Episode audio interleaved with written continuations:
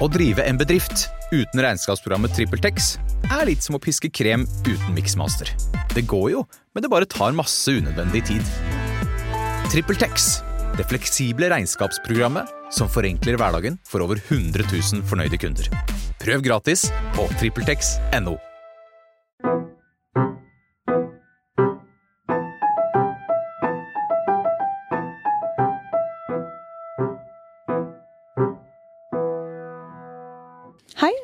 velkommen til podkasten Frilanslivet. En podkast av min kollega Kristina Skreiberg og meg, Hanna von Bergen. Vårt mål med denne podkasten er å være en faglig og inspirerende kanal for alle dere som jobber for dere selv i medie-, kunst- og kulturbransjen.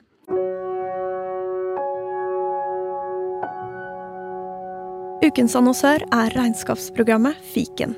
Akkurat som oss brenner fiken for at flere frilansere og små bedrifter skal lykkes, og bak fiken så står mennesker som selv har erfart hvor vanskelig regnskap kan være, og de har derfor laget en løsning som gjør det lett å føre regnskapet selv. Så lett at både Kristina og jeg har brukt det i flere år, og helhjertet anbefaler det til andre frilansere. Vil du prøve fiken gratis i 30 dager? Gå inn på fiken.no. Vi har mange fine gjester på lista for i år, så husk å subscribe i denne podkast-appen som du bruker. Så får du det automatisk inn hver torsdag morgen.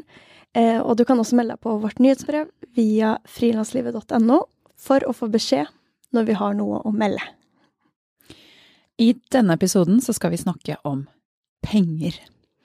For selv om de aller fleste av oss er i denne bransjen fordi vi først og fremst elsker å skape og formidle kunst og kultur, så kan ingen av oss leve på luft og kjærlighet.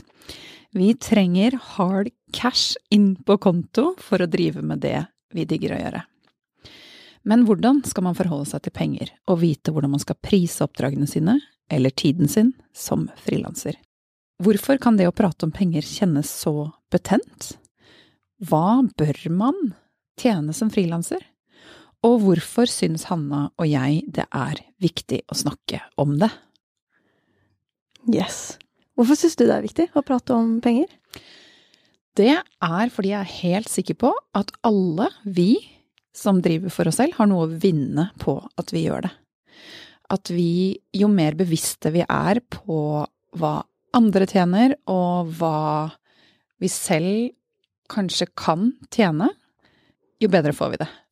Fordi vi trenger de pengene. Um, og hvis du snakker med andre, så blir du orientert, og det er jo egentlig bare sånn vi lærer om hva vi bør ta. Og spesielt i starten, når man går ut av kanskje en utdannelse, eller ja, man er bare helt fersk i den bransjen man går inn i, så er det veldig vanskelig å orientere seg. Og da må man liksom spørre rundt. Ja, det er jo helt umulig å vite egentlig hva man skal ta betalt. Hva er vanlig? Hva fortjener du?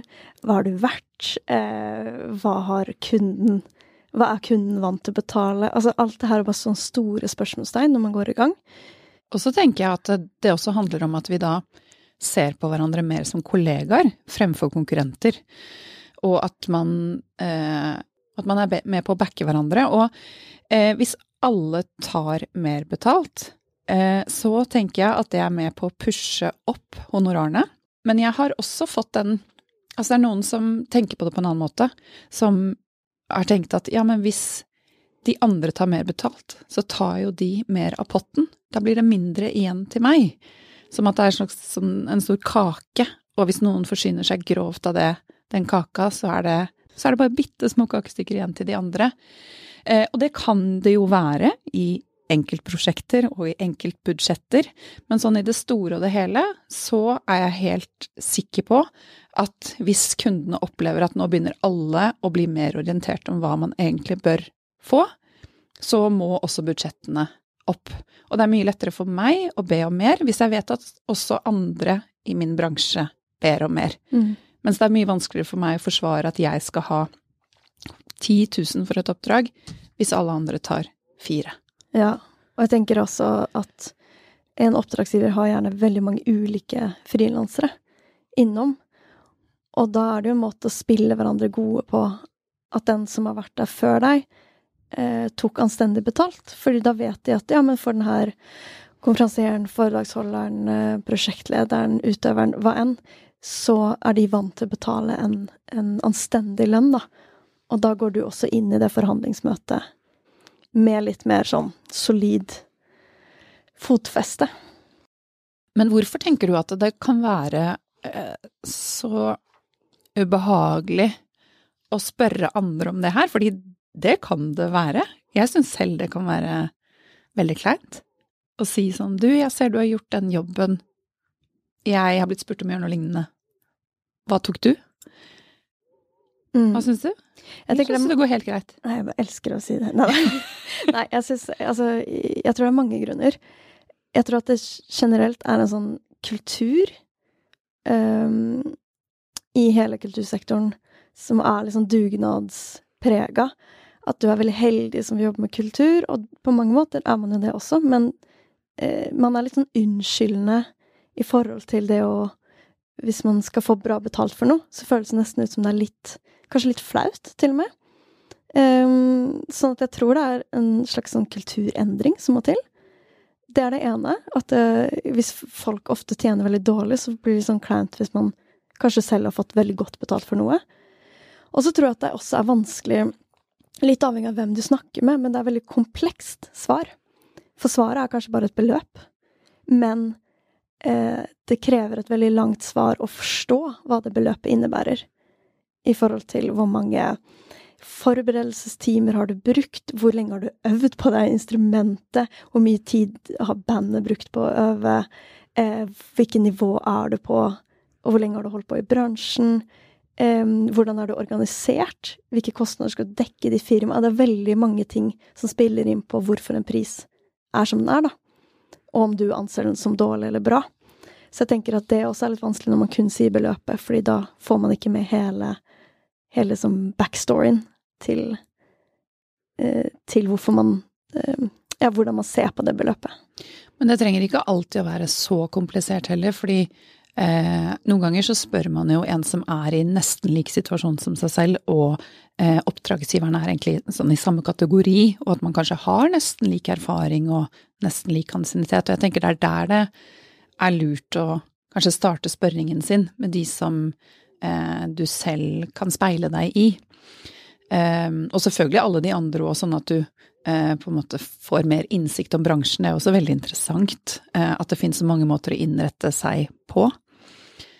Men selv når jeg spør folk som egentlig har ganske likt erfaringsgrunnlag som meg selv, og oppdragsgiveren er ganske lik, så kan jeg synes det er litt kleint, og så har jeg allikevel bare tenkt sånn Men det er eh, Det er liksom Det er bare en del av jobben å orientere seg. Um, men kanskje det kjennes litt sånn invaderende å spørre om fordi penger er så Vet ikke. Mange Så har privat, litt liksom? Ja, det er veldig privat.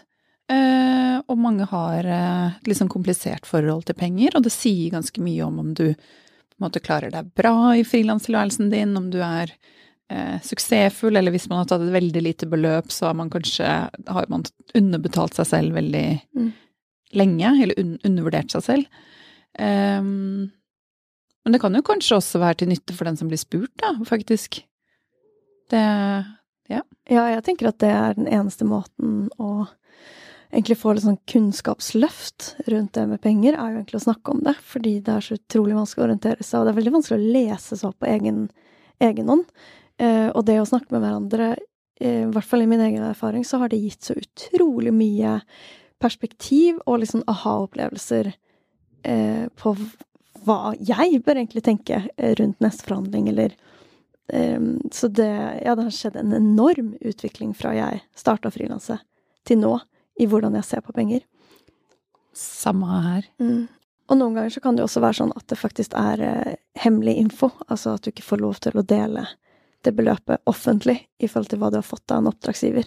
At det ikke alltid er eh, offentlig informasjon, da. Ja, eller enhver forhandlingssituasjon er en eh, avtale mellom to parter. Så hvis en person ikke ønsker å fortelle akkurat hva man fikk for akkurat den avtalen, eller det ene oppdraget, så er det noe man må respektere. Og man kan heller ikke kreve at andre skal ta eh, ja, et konkret beløp fordi en selv gjør det. Alle har liksom forhandlingsfrihet. Alle oppdragsgivere har det for så vidt, og vi har det også.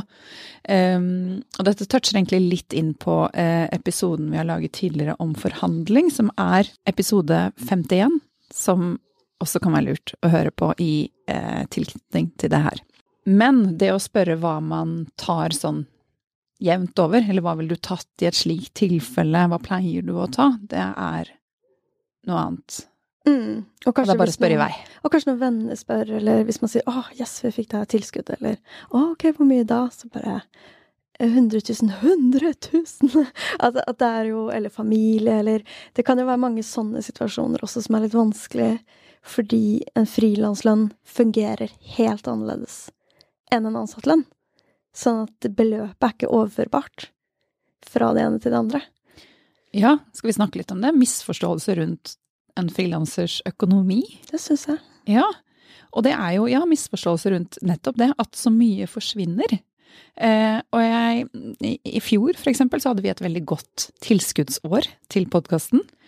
Og da husker jeg eh, altså, altså, både mannen min og moren min var nesten litt sånn, fikk litt bakoversveis og bare Oi, så utrolig god månedslønn du har fremover! Dere liksom Wow, så godt dere tjener. Så må jeg forklare da at ja, dette er noe vi får nå på vårparten, men som skal strekke seg utover hele året. Uh, og vi er to stykker, og det skal dekke produksjon og tid og bla, bla, bla, bla. bla.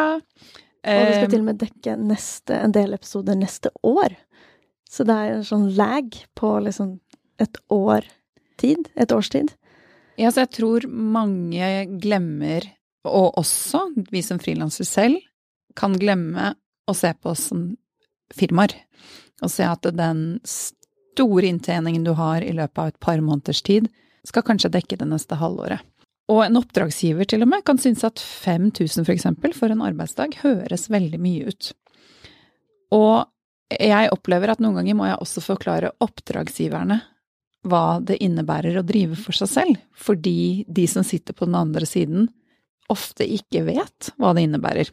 Og mange oppdragsgivere er da fast ansatte selv og tror at 5000 kroner er 5000 kroner rett i lomma. And it's not. Nei, det er det ikke. Det skal vi komme tilbake til. Ja, vi skal nøle ut litt på tall.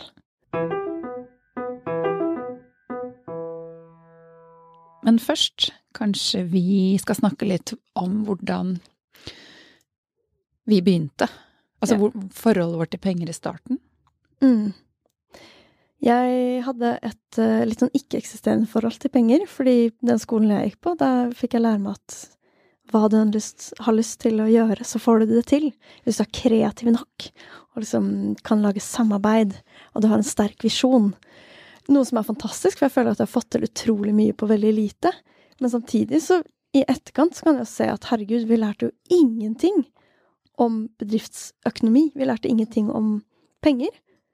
Så jeg gikk ut og var helt fersk, og sammenligna alt med kaféjobben min, som var sånn Jeg husker ikke, var det 140 kroner timen, eller Og da husker jeg at Så hvis jeg fikk 200 kroner timen, så tenkte jeg sånn wow, det er jo kjempemye. Eh, det er 60 kroner mer enn det jeg har fått. Sånn at alt er relativt i forhold til hva, hva du har av erfaring, da. Så jeg syns det her var utrolig vanskelig i starten, fordi jeg visste ikke jeg Da visste du kanskje ikke at det var vanskelig heller?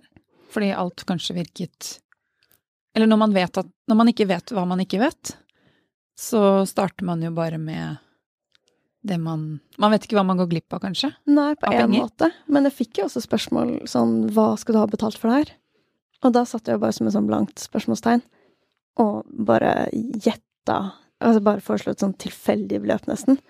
Så jeg tror jeg har gått glipp av utrolig mye mer inntekt hvis jeg hadde vært mer orientert om eh, Og tenkt litt de tankene før jeg begynte å jobbe og snakke med oppdragsgivere. Og, og jeg har jo et eksempel hvor jeg ble tilbudt en konsert hvor jeg virkelig ikke visste hva jeg skulle ta, så jeg sa sånn 2000. Eh, aldri hørt om liksom Creo og Creo sine satser og hva andre tok, og det var bare sånn litt tilfeldig beløp jeg nevnte. Men dette var tidlig i din musikerkarriere? Ja, det her var veldig mange år siden. Og så husker jeg at oppdragsgiver sa sånn nei, nei, nei, det kan vi ikke, det kan vi ikke betale. Og så var jeg sånn Oi, ok, kanskje det var altfor høyt. Eller så ble jeg sånn flau på telefon. Og så han Vi kan tilby 6000. Og da fikk jeg jo liksom bakoversveis og tenkte sånn wow, det er jo tre ganger så mye. Og da tror jeg bare trodde jeg sa 12 eller 20 000, eh, og at det var rett og slett en misforståelse. Så, og det følte jeg ble Det er et veldig tydelig eksempel på liksom hvor absurd alt det der med penger kan oppleves, da. Og forhandling. At det er så fjernt i starten. Og at du følte jo, når du sa det, at du kanskje satte litt høyt. Mens han følte at han ok, ga deg egentlig litt lite, men begge hadde jo vunnet, på en måte. Mm. Og for deg var det jo bare sånn wow, jeg kan få seks! Tenk, ja, tredoblet beløpet. Tenk hvis du hadde klart det i alle andre oppdrag. Det er jo helt vilt. Det sier jo noe om at man skal tørre å gunne litt på også.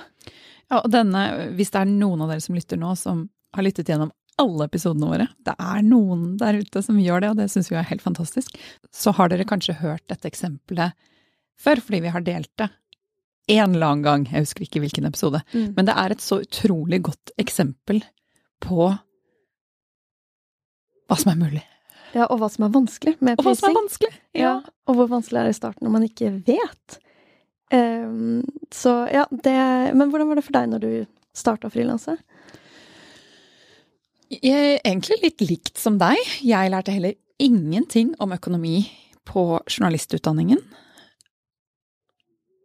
Og jeg begynte med å kontakte mange forskjellige oppdragsgivere som jeg hadde lyst til å skrive for, og de sa vel kanskje bare et beløp som jeg skulle få, og jeg syntes alltid det var helt fint. Men når jeg ser tilbake, så var det jo veldig lavt. Men jeg var jo også helt fersk. Så jeg vil jo si at selv om vi nå snakker om penger og bevisstgjøring rundt det, at det er kjempeviktig uavhengig av hvor du er i eh, din karriere. Men eh, i starten så starter man jo også bare ut. Altså at man må også kaste seg litt ut i det, og det å gruble for mye og tenke sånn skal jeg ta dette oppdraget, kommer jeg til å få det jeg bør få? Eh, Altså at man vil gjøre noen feil i starten, og du vil kanskje ta noen oppdrag hvor du er litt underbetalt. Um, og disse satsene vi kommer til å snakke om litt senere i episoden, det er ikke alltid lett å kanskje oppnå det vi kommer til å snakke om. Så mye av det vi snakker om, hvis du er helt fersk, ta det liksom litt med deg og noter det bak i hodet, og dra det frem en dag du trenger det.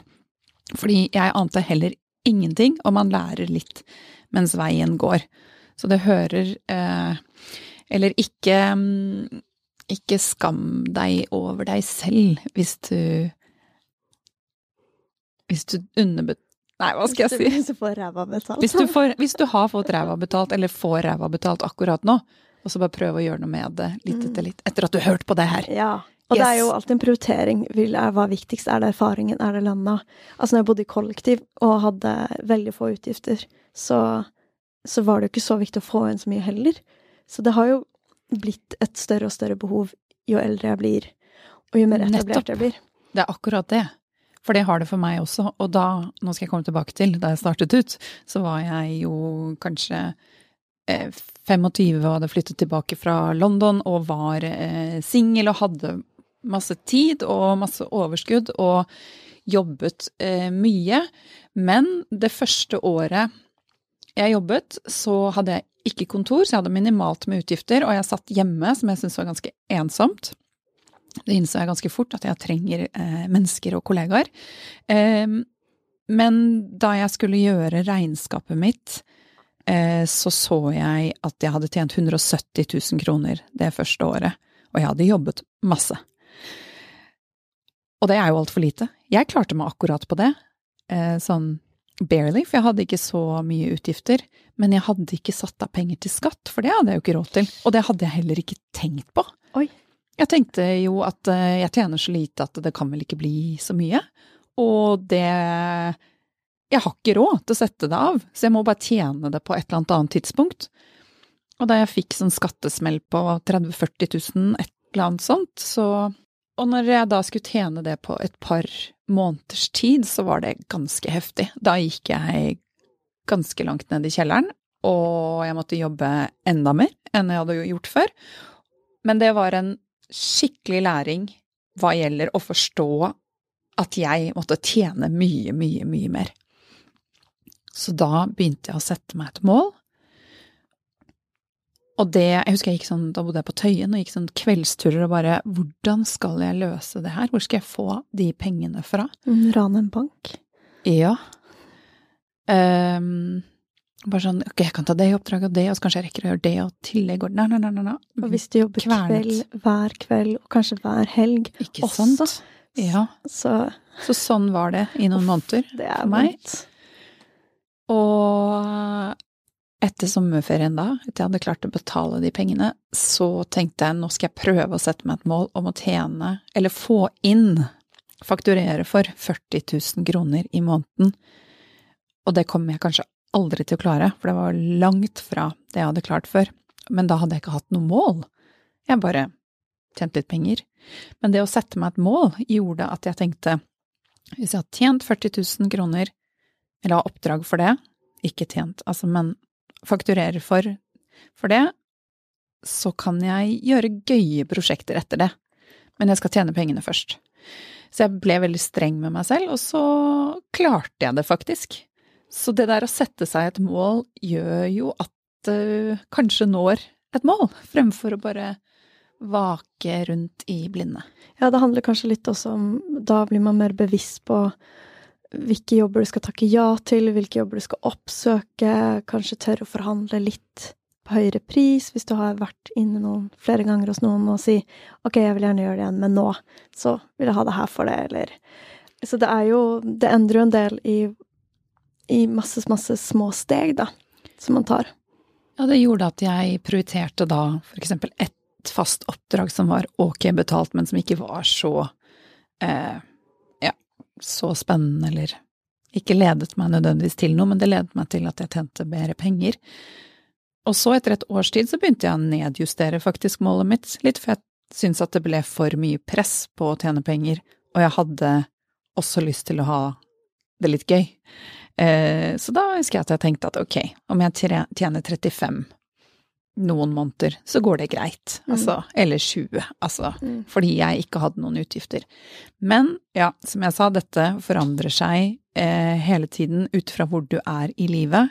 Nå må jeg tjene mye mer penger enn det, fordi jeg har barn og leilighet og Ja. Og mye mer erfaring. og mye mer erfaring. Ja.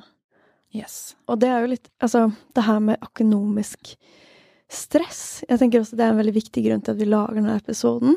Og hvorfor jeg syns det er viktig å snakke om penger, er fordi det å ikke vite om du kan betale husleia, det å ikke vite om det kommer inn penger, det er en utrolig sånn psykisk belastning å gå rundt med. Ehm, det gjør ofte at man kanskje blir pressa til å ta oppdrag som man ikke hadde tatt ellers, hvis du kanskje hadde hatt buffer, eller kunne liksom opparbeida litt mer inntekt på andre måter.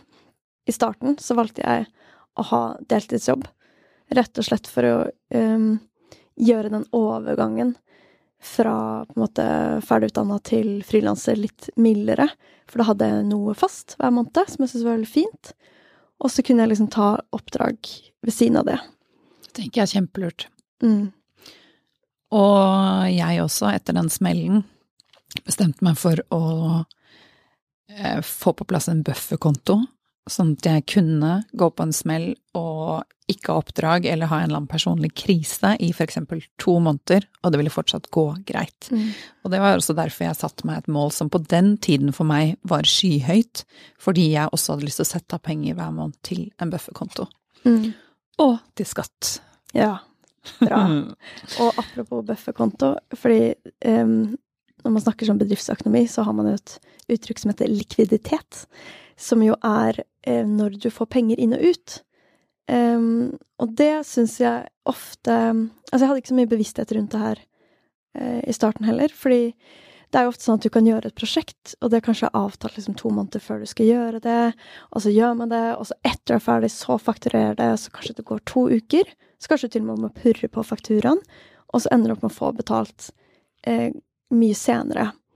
Og noen ganger så deler du opp i to, og, altså, men det med likviditeten Det kan ta ganske lang tid før du faktisk får inn penger på konto. Eller når du søker tilskudd, så kan det ta opptil fire måneder med behandlingstid, og så lengre tid til å få det utbetalt. Og dette med bufferkonto, det er et begrep vi bruker hvis man har enk, hvor det du tjener går inn i din eh, egentlig sånn privatøkonomi. Eh, mens har du et AS, som jeg har nå, så ja, må du ha den bufferen i firmaet ditt, sånn at man ja kan betale alle regningene, selv om eh, du ikke har fått inn dine egne ting. Mm. Så ja, godt poeng. Og det her kan være vanskelig i starten. Veldig.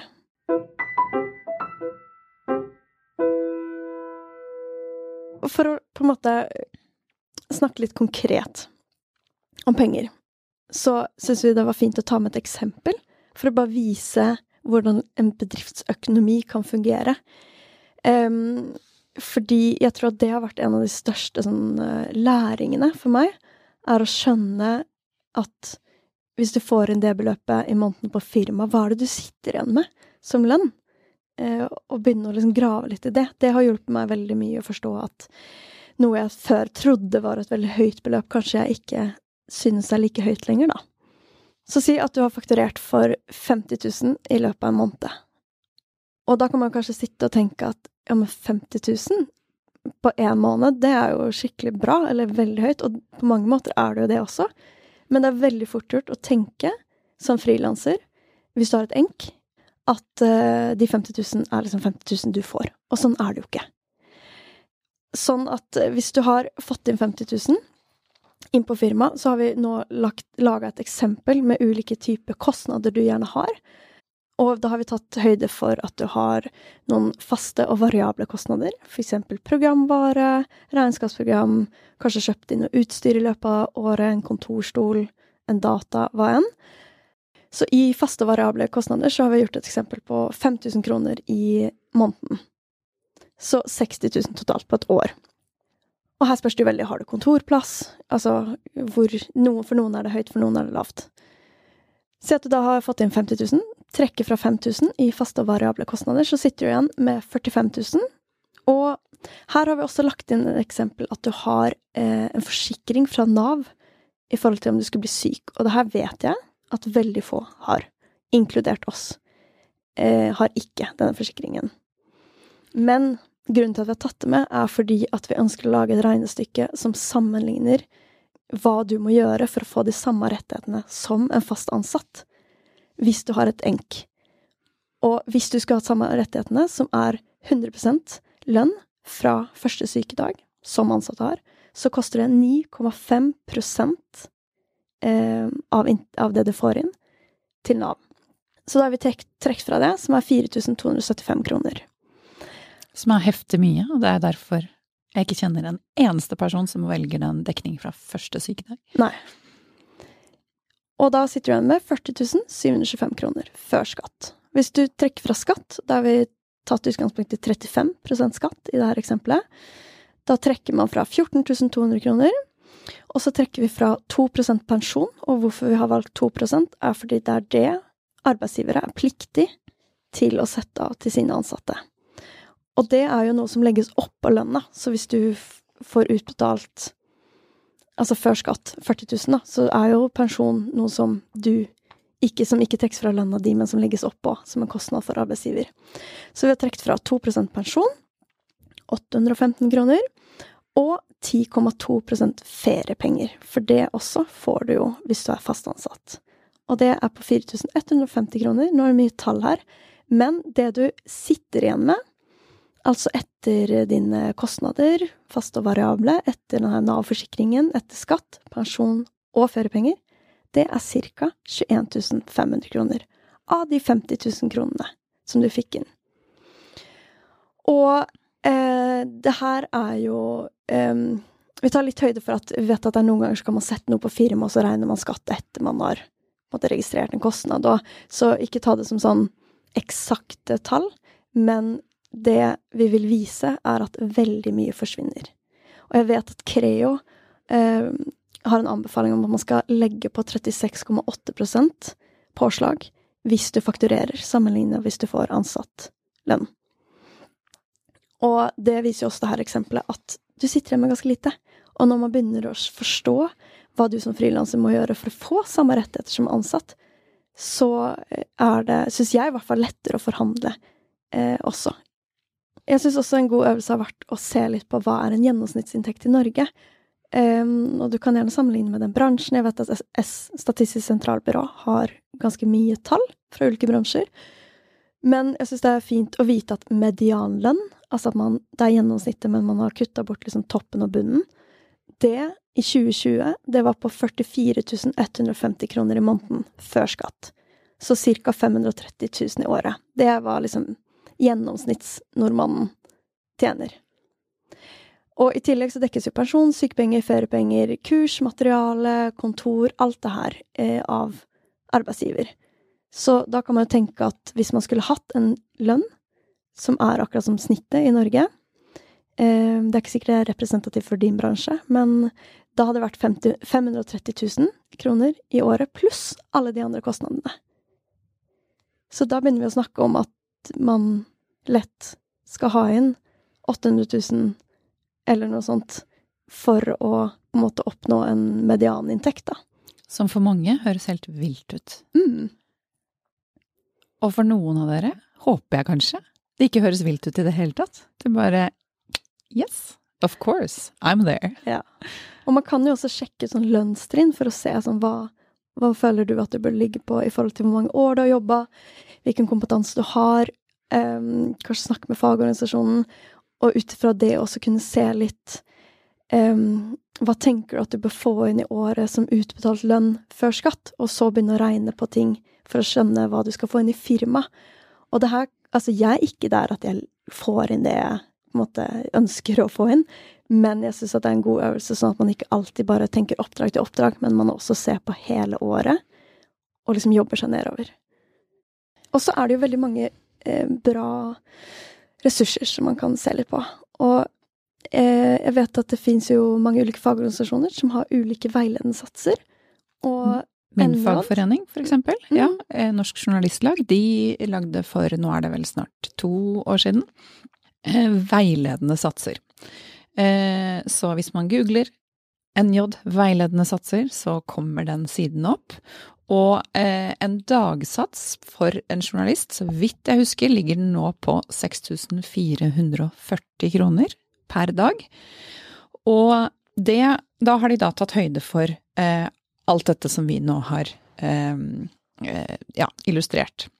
Det de også beskriver, er at det er forskjell på eh, korte oppdrag og lange oppdrag. Så har du ett langt oppdrag som kanskje varer i tre-fire måneder for én oppdragsgiver, så er satsen noe lavere.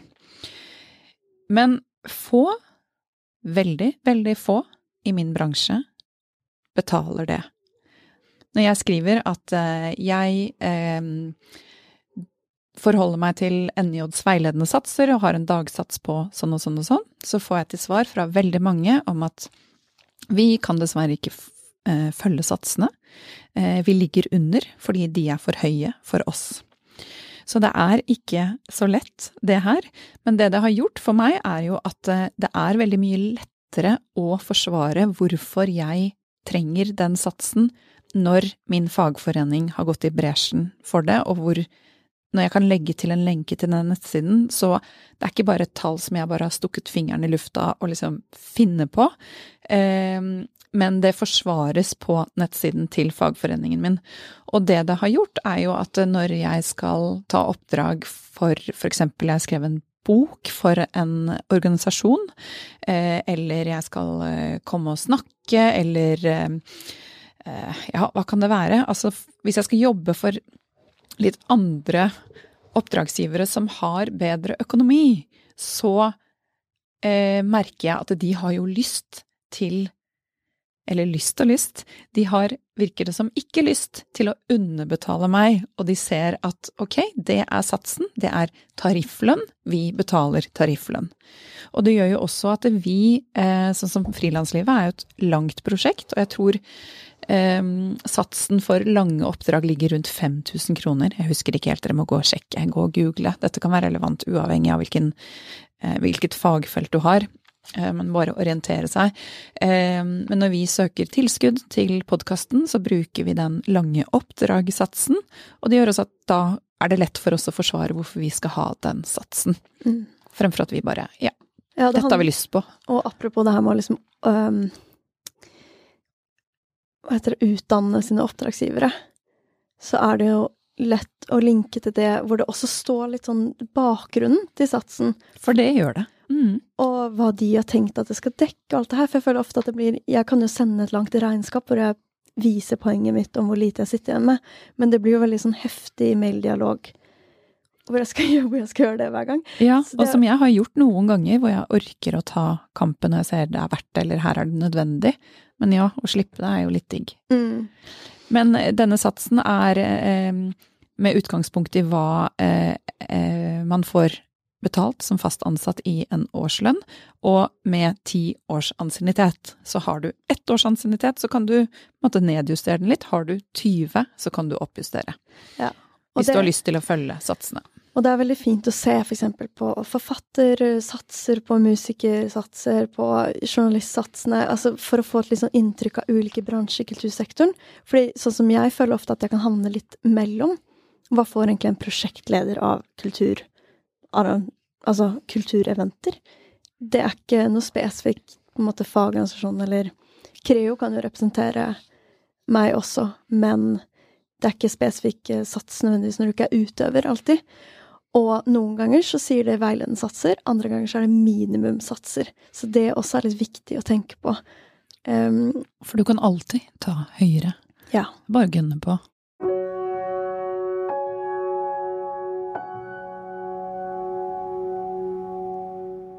Ukens annonsør er en treningsapp som heter Bruce.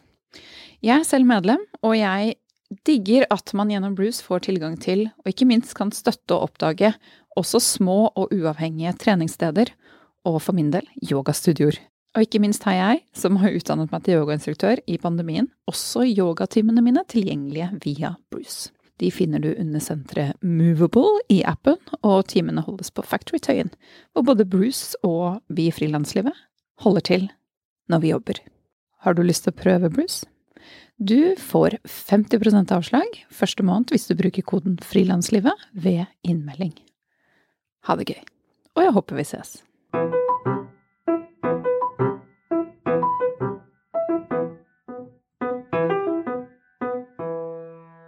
Når du er fast ansatt, så jobber du jo 37 og en halv time i uka, pluss lunsj, eh, som blir 150 timer i måneden. Men som frilanser så kan du ikke nødvendigvis eh, dele årslønnen din og tenke at det er 150 timer i måneden som du får betalt, for sånn funker jo ikke det å frilanse. Så Kristina, hvordan går du frem for å liksom tenke ut ja, men fakturerbar tid versus ikke fakturerbar tid?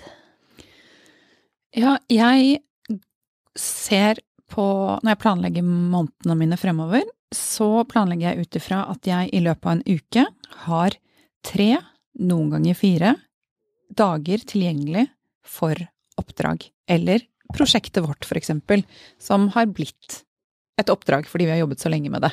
På en måte et egetinitiert oppdrag, så det går inn i samme kategori. Eh, mens de dagene jeg da ikke plotter ut at jeg gjør eh, liksom planlagte ting for andre som jeg skal tjene penger på, eller for meg selv som jeg skal tjene penger på, så er det da dager som går med til andre ting i bedriften min eller i livet mitt. Og det er jo fordi jeg ikke kan ta høyde for at jeg kan plotte ut alle dager i løpet av en uke eller i løpet av en måned. Og selvfølgelig så varierer jo dette litt fra periode til periode, at eh, jeg kan ha en måned hvor jeg jobber veldig mye, og så må jeg ta igjen alt dette andre kanskje på kveldstid en periode, eller at jeg bare dytter veldig mye av det til neste måned, for da er det stillere. Så det er absolutt stor variasjon. Men det jeg mener med at jeg da kanskje i løpet av en uke jobber sånn og tjener penger i tre dager, eh, er fordi de andre to dagene Hva gjør jeg da? Hva Jo. gjør du? Sitter og koser deg, strikker Da- eller leser bok? Ser jeg Netflix på tur i skogen, tar badstue og isbader. Deilig. da. Ikke sant? Og det er jo det veldig mange oppdragsgivere tror, når man prøver å forklare hvorfor eh, dagsatsen sin er ganske høy. Og da tror de lett At de betaler for at du skal kose deg de andre dagene. Men det er ikke det de betaler for. De betaler for at jeg skal gjøre masse annet administrativt i min bedrift, akkurat som andre firmaer er nødt til å gjøre. Da skal jeg kanskje i et møte, kanskje jeg skal få meg litt sånn faglig påfyll, kanskje gå på et kurs, kanskje jeg gjør litt research til eh, noen nye prosjekter jeg har lyst til å sette i gang. Skrive masse søknader som man får avslag på. Yes. Føre regnskap, kanskje oppdatere nettsiden min, rydde i filer på desktopen, svare mailer jeg har glemt, og livet kommer inn, som at jeg kanskje blir syk. Barna mine kanskje blir syke, jeg må kanskje ta de til et legebesøk, og hvis du er ansatt, så får du gjøre alle de tingene der inni arbeidstiden din. Og jeg tror at eksempel konsulentbransjen, hvor det er et høyt eh, faktureringskrav, heller ikke har 100% faktureringskrav. At det er eh, noe tid som går med til alle disse andre tingene. Og det er kanskje ikke den beste bransjen å sammenligne seg med, fordi faktureringskravet er veldig høyt. Og jeg i min bedrift vil ha et litt lavere press på meg selv, så jeg har satt det på eksempel 70% av tiden min. Og den andre tiden så er det alt det andre rundt og i bedriften. Mm. Og hvis man ikke plotter ut tid til det òg, så vil et sykt barn, eller at du selv blir syk, medføre at du må sitte masse kvelder og helger eh, fordi du ikke har noe buffertid, eh, eller at du må svare alle mailene og gjøre, eh, føre bilagene dine alltid i helgen eller på kveldstid. Men dette her er jo noe jeg jobber etter fordi jeg er, jeg er tobarnsmor, og jeg har jobbet i eh, 15-16-17 år nå.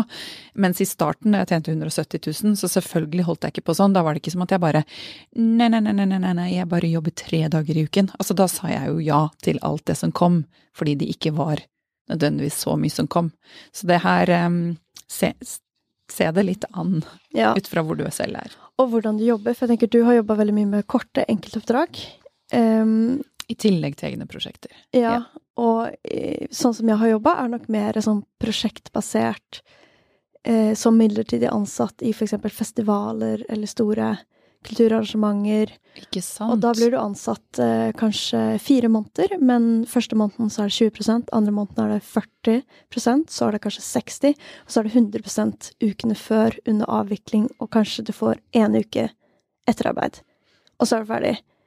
En helt annen modell. Så det blir helt annerledes. eh, Som også er veldig vanskelig å da vite hva er en fair lønn. For det jeg kan oppleve ganske ofte da, er at man kanskje får det samme som noen ansatte, men det tas ikke høyde for at man bare kommer inn akkurat når det trengs, og at man kanskje ikke engang har 100 eh, Man har ikke avspasering. Men har du Eh, vært midlertidig ansatt og fått lønn? da har jeg vært midlertidig ansatt og fått lønn. Um, og da har jo jeg vært ansvarlig selv for å fylle opp på en måte resten av tida. Eh, så liksom noen, noen prosent den måneden, litt mer den andre måneden. Og det kan jo også være veldig vanskelig. Det, og det puslespillet med at det har kanskje vært en OK lønn hvis jeg tenker at den hadde vært 100 hver måned hele året. Men problemet blir jo at du er dritsliten etter å ha vært gjennom et sånt kjør eh, med superintenst prosjekt, og så har du akkurat hatt etterarbeid hvor det kanskje var én dag avspasering, rapport, regnskap, skrive attester, alt mulig, evaluering. Og så er det ikke sånn at du orker å gå inn i en ny jobb. Eller at du klarer å få det til å klaffe på datoen, liksom? at det skal være en ny jobb? mandagen uka, uka etter. etter. så skal man begynne nytt. Og det er utrolig vanskelig. Så der har jeg også tenkt at jeg må jo faktisk ta høyde for at det er sånn noen glapp, hvor Mm. det er noen uker imellom. Og jeg trenger det også. Noen glapp? Jeg tror det heter glipper. Jeg vet ikke. Noen glipper? Glipp, ja. Glopp. Det er glapp. Glopp. At det er en glopp. Jeg har vært dratt to år og blitt språkfyra. Um, Ja. Enda mer enn jeg var før. Nei, men så man må ta høyde for at det er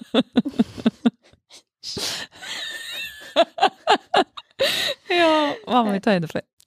Så man må ta høyde for at det er perioder etter oppdrag også, uh, hvor det ikke nødvendigvis er et nytt oppdrag. Ja, og den ehm, Den måten å jobbe på Nå skal jeg til å si at det er kanskje den kjipeste måten, fordi Men det høres jo også veldig gøy ut. Å komme inn på prosjekt og være med når det skjer. Men du eh, er jo også med på det mest intense, hvor du skal prestere på topp hele tiden, og du får på en måte aldri gleden av eh, det å være ansatt og ha noen dager som er litt dårlige dager, hvor du ikke produserer så bra. Eller hva? Ja, veldig. Man skal alltid inn der det er høygir. Og det er ganske slitsomt. Så det var jo en grunn til at det ikke helt gikk i lengden for min del, da. Hvor mange år holdt du på sånn? Ja, men kanskje fem år. Um, og jeg syns det er fantastisk å ha sånn type oppdrag, men det er en veldig krevende arbeidsform. Og fordi jeg syns at man som midlertidig ansatt egentlig burde komme inn og få mye bedre lønn.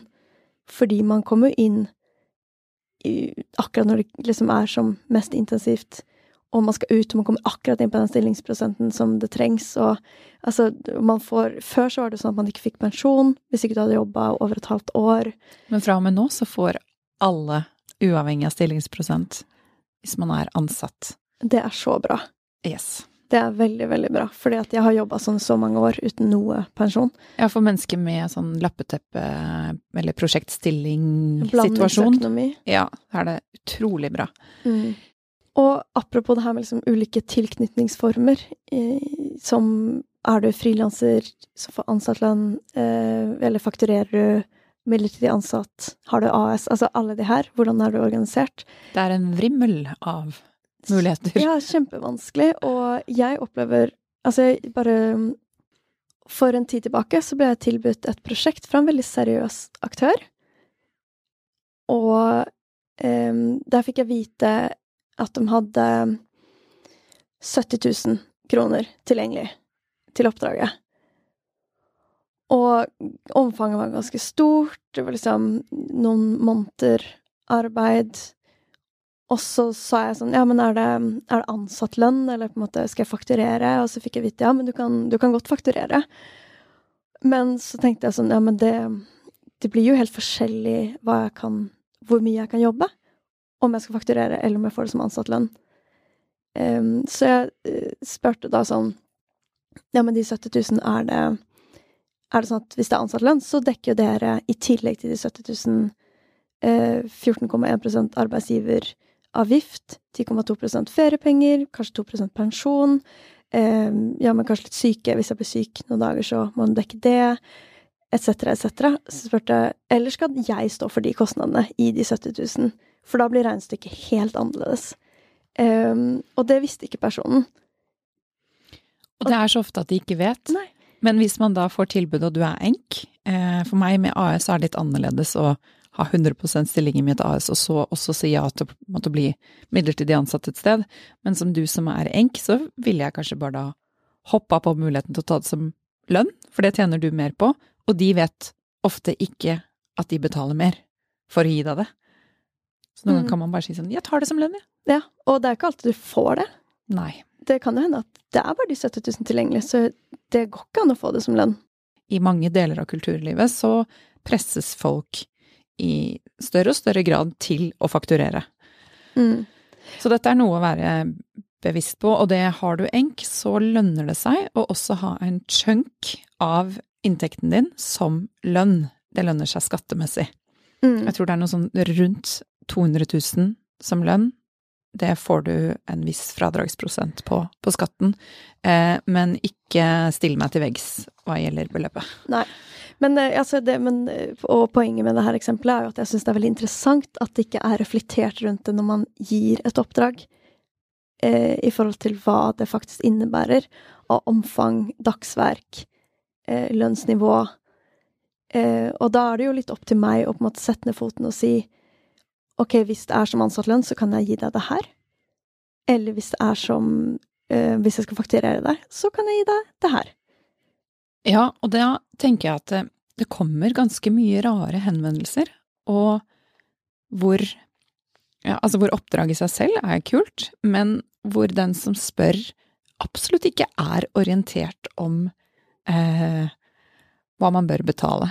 Altså her forleden ble jeg spurt om jeg ville eh, holde et innlegg på en sånn åpning, en eh, ja, åpning av en utstilling. Og så syns jeg jo det høres eh, kult ut. Og mot slutten av samtalen, hun har ikke snakket noe om penger, så sier jeg ja, hva er eh, Hva har dere budsjett til honorar? å nei, vi pleier ikke å betale. Jeg tenkte at det klassisk. Kanskje ville vært en kul ting å være med på, for det kommer jo ganske mange, og det vil jo bli spredt i sosiale medier, og det vil til og med bli streamet. Og da tenker jeg at det er så rart at man ikke snakker om det helt i starten. Ja, at man ikke sier det som en setning. Som Vi har ikke budsjett, men vi har så lyst til å spørre deg om dette. Mm. Altså, så det å Noen ganger kan man Eller man skal ikke overvurdere de som kontakter deg. Noen ganger vet du mer om pengene, penger, og hvordan man kanskje bør gå frem i sånne sammenhenger enn det de gjør selv. Ja. Og det her er veldig vanskelig når jeg er ny. Fordi jeg tenker sånn som med det eksempelet med oppdraget eh, jeg ble tilbudt, så hvis, vært, hvis det hadde vært fem år siden, så hadde jeg hatt en veldig dårlig økonomi og måttet si ja sånn uavhengig. Nå så har jeg mer solid økonomi og kan lettere forhandle, for jeg kan også tenke at hvis ikke dere tilbyr meg den summen på de her antall dagene, så man må liksom regne seg fram til hva, hva blir det, så er jeg ikke interessert. Og da er det mye lettere. Da tenker jeg hvis den jobben går videre til noen som kanskje ikke er eh, like etablert, så er det helt fint også. Men det er jo der man kommer i en skvis, og man har litt penger og dårlig lønn, at man blir liksom pressa til å si ja til eh, beløp som man kanskje egentlig eh, ikke syns eh, er liksom et anstendig nivå, da. Ja, og her spoler jeg litt tilbake til eksemplene våre med at du hadde en deltidsjobb, og jeg hadde bufferkonto i starten. Eh, fordi har man noen sånne sikre ben å stå på, så blir man mindre desperat til å gå inn i kjipe avtaler. Men dette her, denne dansen frem og tilbake med forskjellige oppdragsgivere eller arbeidsgivere, tar ofte tid og kan være ganske krevende, og man går og tenker ganske mye på hvordan skal jeg ordlegge meg, hvordan skal jeg argumentere godt nok for eh, det jeg vil ha. Um, og vise at du har lyst på jobben. At du ikke på en måte skyter deg selv i foten når det blir for vanskelig. Ja, det også. Det er nettopp de to dagene hvor jeg ikke tar har oppdrag for andre, men estimerer at jeg må gjøre ting i bedriften min. Det går også til ting som det her, fordi det kan ta mye tid. Og for meg tar det også veldig mye av mine krefter. Men det er veldig lærerikt, og det er helt nødvendig. Absolutt. Så ikke skygg for mye unna, selv om det er liksom dritt å ta i det. Ja. Og det blir lettere og lettere for hver gang. Eller gjør det det? Ja, men det syns jeg. Man har Ja. en bedre forståelse av liksom hvordan penger fungerer. Så jeg syns det er lettere ved, med den forståelsen å liksom gå inn i de her situasjonene. Ja, og når man etter hvert kan si nei til en kjip avtale, så føles det også ganske digg. Man bare ok, jeg står opp for mine egne Altså, eller jeg ivaretar mine egne grenser.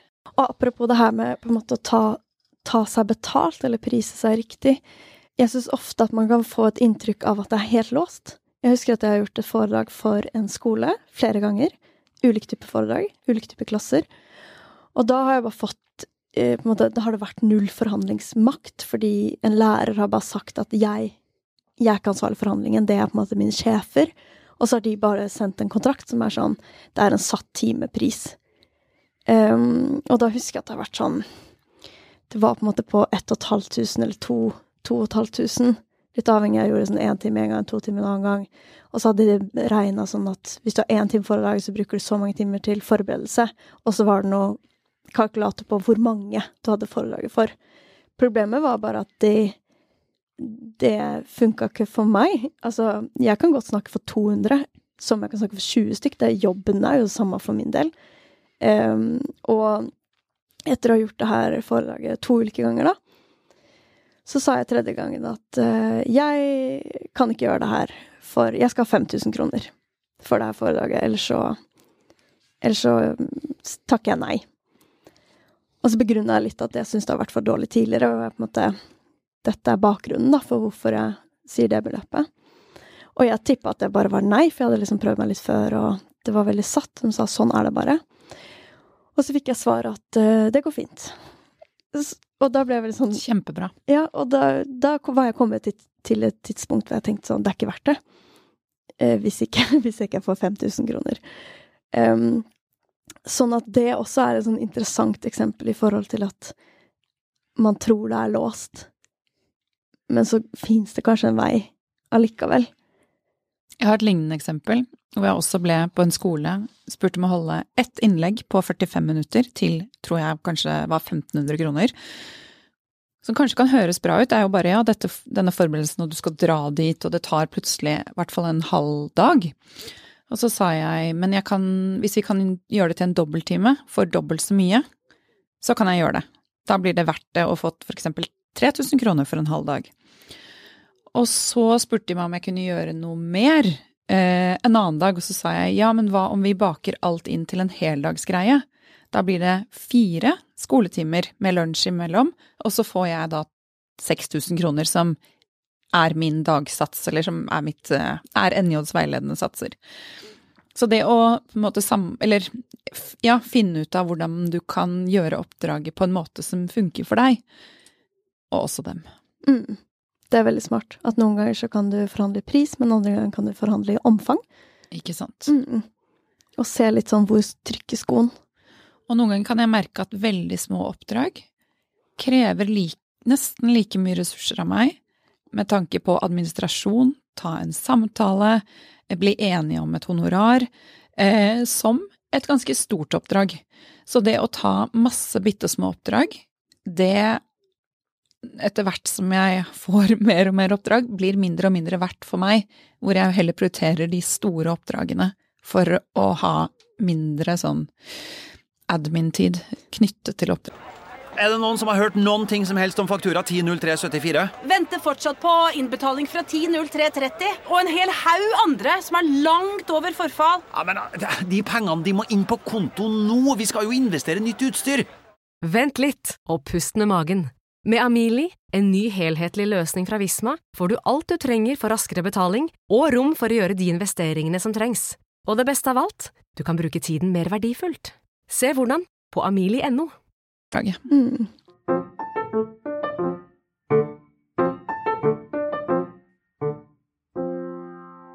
Men nå har vi snakket veldig mye om eh, hvor mye du skal få i forhold til den, den, tiden du bruker, men merk deg det at det er ikke alltid tiden din du tar betalt for, spesielt ikke når vi jobber i kunst- og kulturbransjen. Mange ganger er det da verdien du kan bringe inn i et prosjekt, og verdien du kan gi en oppdragsgiver.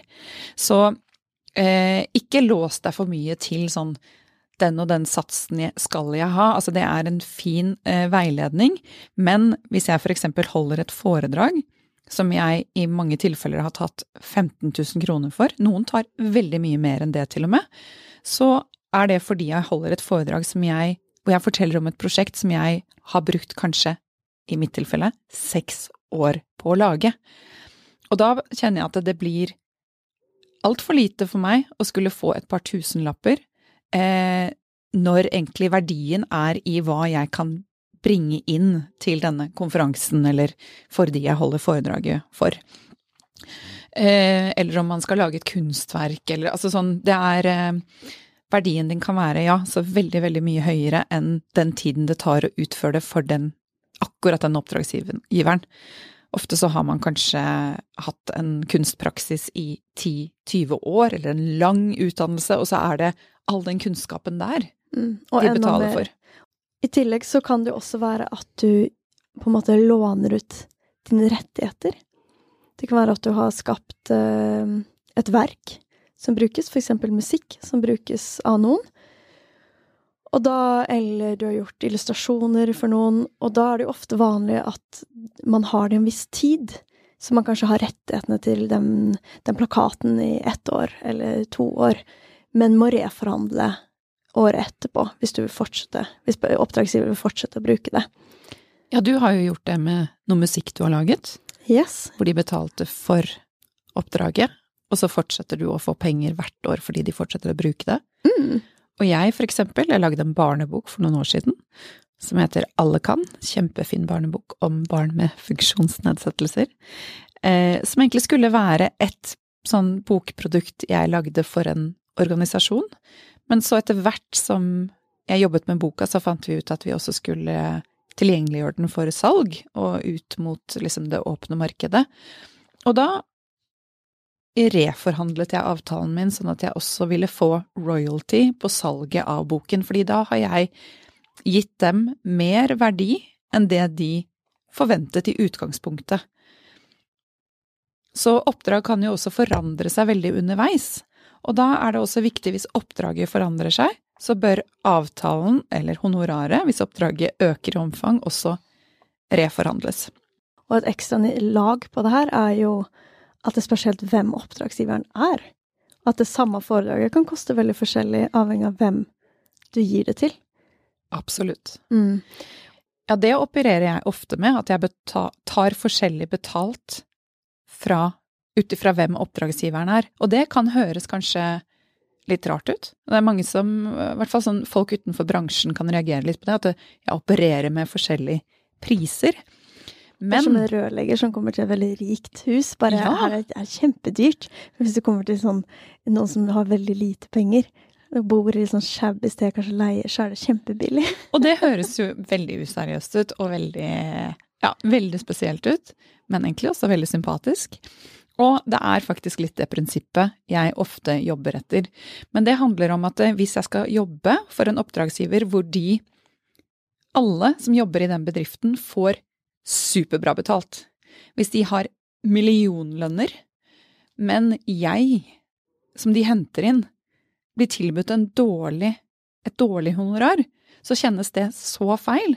For jeg vil at min, mitt honorar skal reflektere det alle de som jobber inhouse hos den oppdragsgiveren, hva de tjener.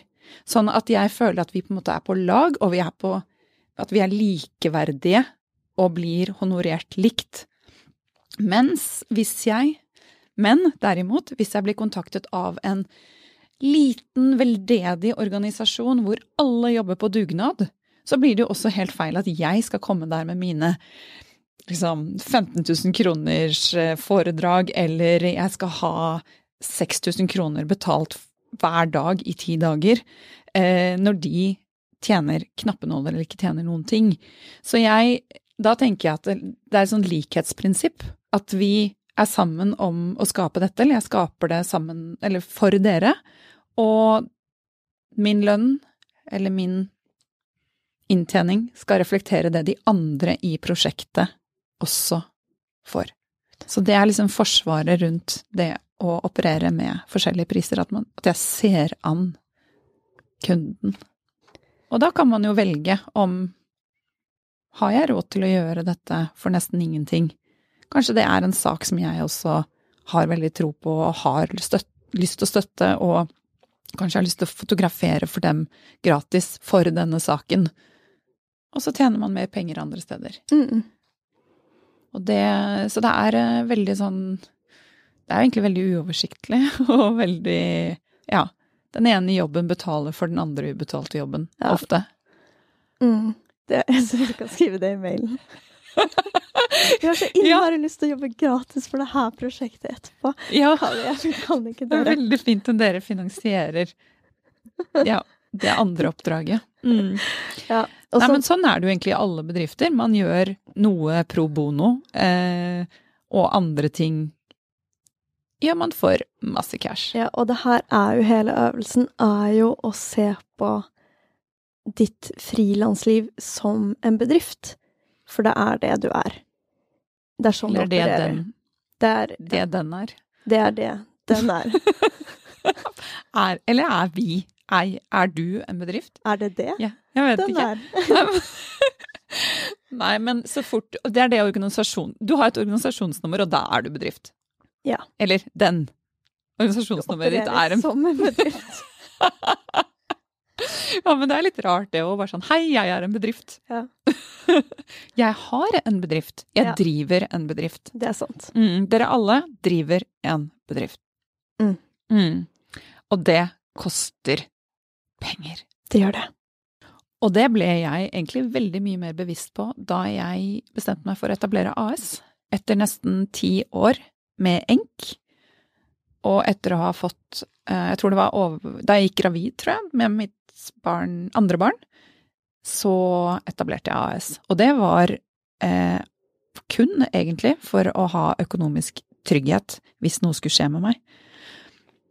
Så hvis jeg blir syk lenger enn to uker, bedriften betaler det hvis jeg er syk kortere enn det.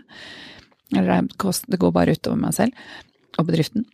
Men eh, jeg, jeg tenkte sånn, hva hvis noe skjer med meg hvor jeg er syk i et halvt år? Eh, eller eh, barna mine blir syke i et to måneder eller et halvt år. Derfor etablerte jeg AS. Og da ble, ble det også veldig mye tydeligere for meg at jeg driver en bedrift. For jeg ser man må ha en egen bedriftskonto, og man betaler arbeidsgiveravgift hver måned, og jeg så på en måte hvilket pengesluk det er å drive en bedrift. Mm. Og du betaler du- ut lønn til deg selv, så du er liksom både arbeidsgiver og arbeidstaker. som kan være litt forvirrende. Men ja, og jeg ser at jeg må jo ha penger på konto hver måned til å kunne betale den lønnen i slutten av hver måned, mens i et enk så er det jo litt sånn har jeg fått inn penger eller har jeg ikke fått inn penger? Og hvis du ikke har fått penger, så kanskje du bruker litt av sparepengene dine, eller du bruker litt mindre den måneden. I et AS er jo hele prinsippet at du skal ha en fast lønn, og hvis du ikke har råd til å utbetale deg den faste lønnen, så er det ikke noe poeng av et AS. Mm. For det er den som er grunnlaget for alle disse trygderettighetene som du får ved å ha AS. Og det er jo det som er så viktig med, med hele liksom, denne samtalen om penger. Det handler jo ikke bare om pengene i seg selv. At liksom, å, det er gøy med penger, for du kan kjøpe en leilighet, eller kan ha mer forbruk, eller spare mer, eller leve fetere, liksom. Men det handler jo veldig mye om at med økt lønn så får du også bedre rettigheter. Og veldig mange frilansere har elendige rettigheter, altså sosiale rettigheter. At, du, at hvis du skulle bli syk, så bare skjærer det seg totalt. Du kan ikke liksom permittere deg selv med enk. Du kan ikke få dagpenger. Pandemien var liksom en unntakstilstand, da. Så Mm. Men samtidig en periode hvor sikkert mange fikk litt sjokk over hvor få rettigheter man har med enk, selv om det kom unntaksløsninger på plass etter hvert. Men eh, ja, hvor bare hele teppet blir dratt under beina dine, og veldig mye raser sammen. Så sikkert en realitetsorientering for veldig mange.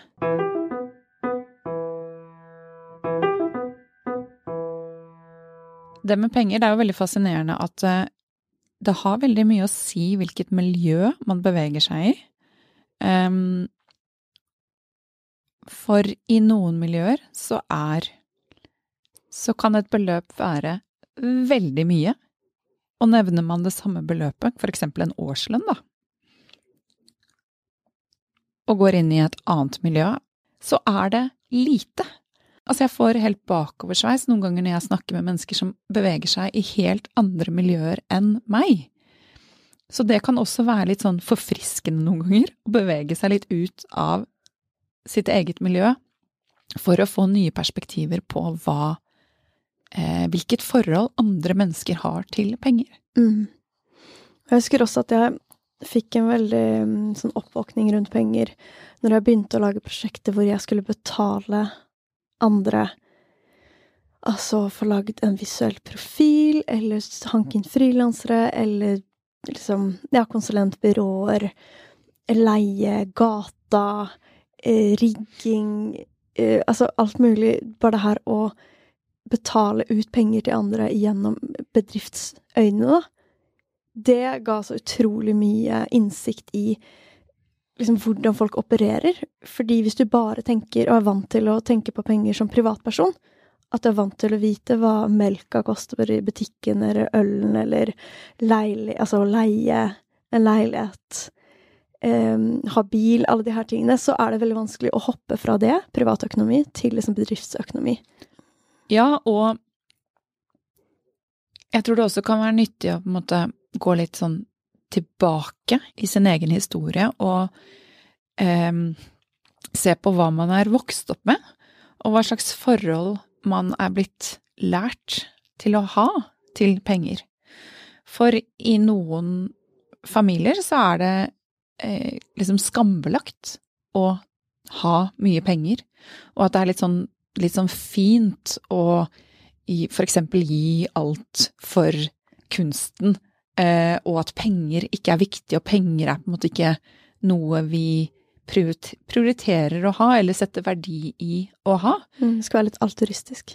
Ja, mens i eh, helt andre familier, så er det noe man drives av. Og at penger er viktig, og at man blir oppmuntret til å tjene penger. Mm, Det er kred. Ikke sant? Så hva, hvilke måte, holdninger har du blitt eh, Altså, har du med deg som preger ditt forhold til penger? Så det å liksom ta en sånn eh, Ja, se litt innover og tenke på hvordan du selv forholder deg til penger. Og hvis man har lyst til å forholde seg annerledes til penger enn man har gjort, så, så går jo det an nå. At man, at man bare At man kanskje vil ha Eller bestemme seg for at jeg, jeg ønsker et annet forhold til penger. Og så Mm. jobbe Jobbe mot det. Mm. Og apropos det, så har vi lagd en liten godbit til dere.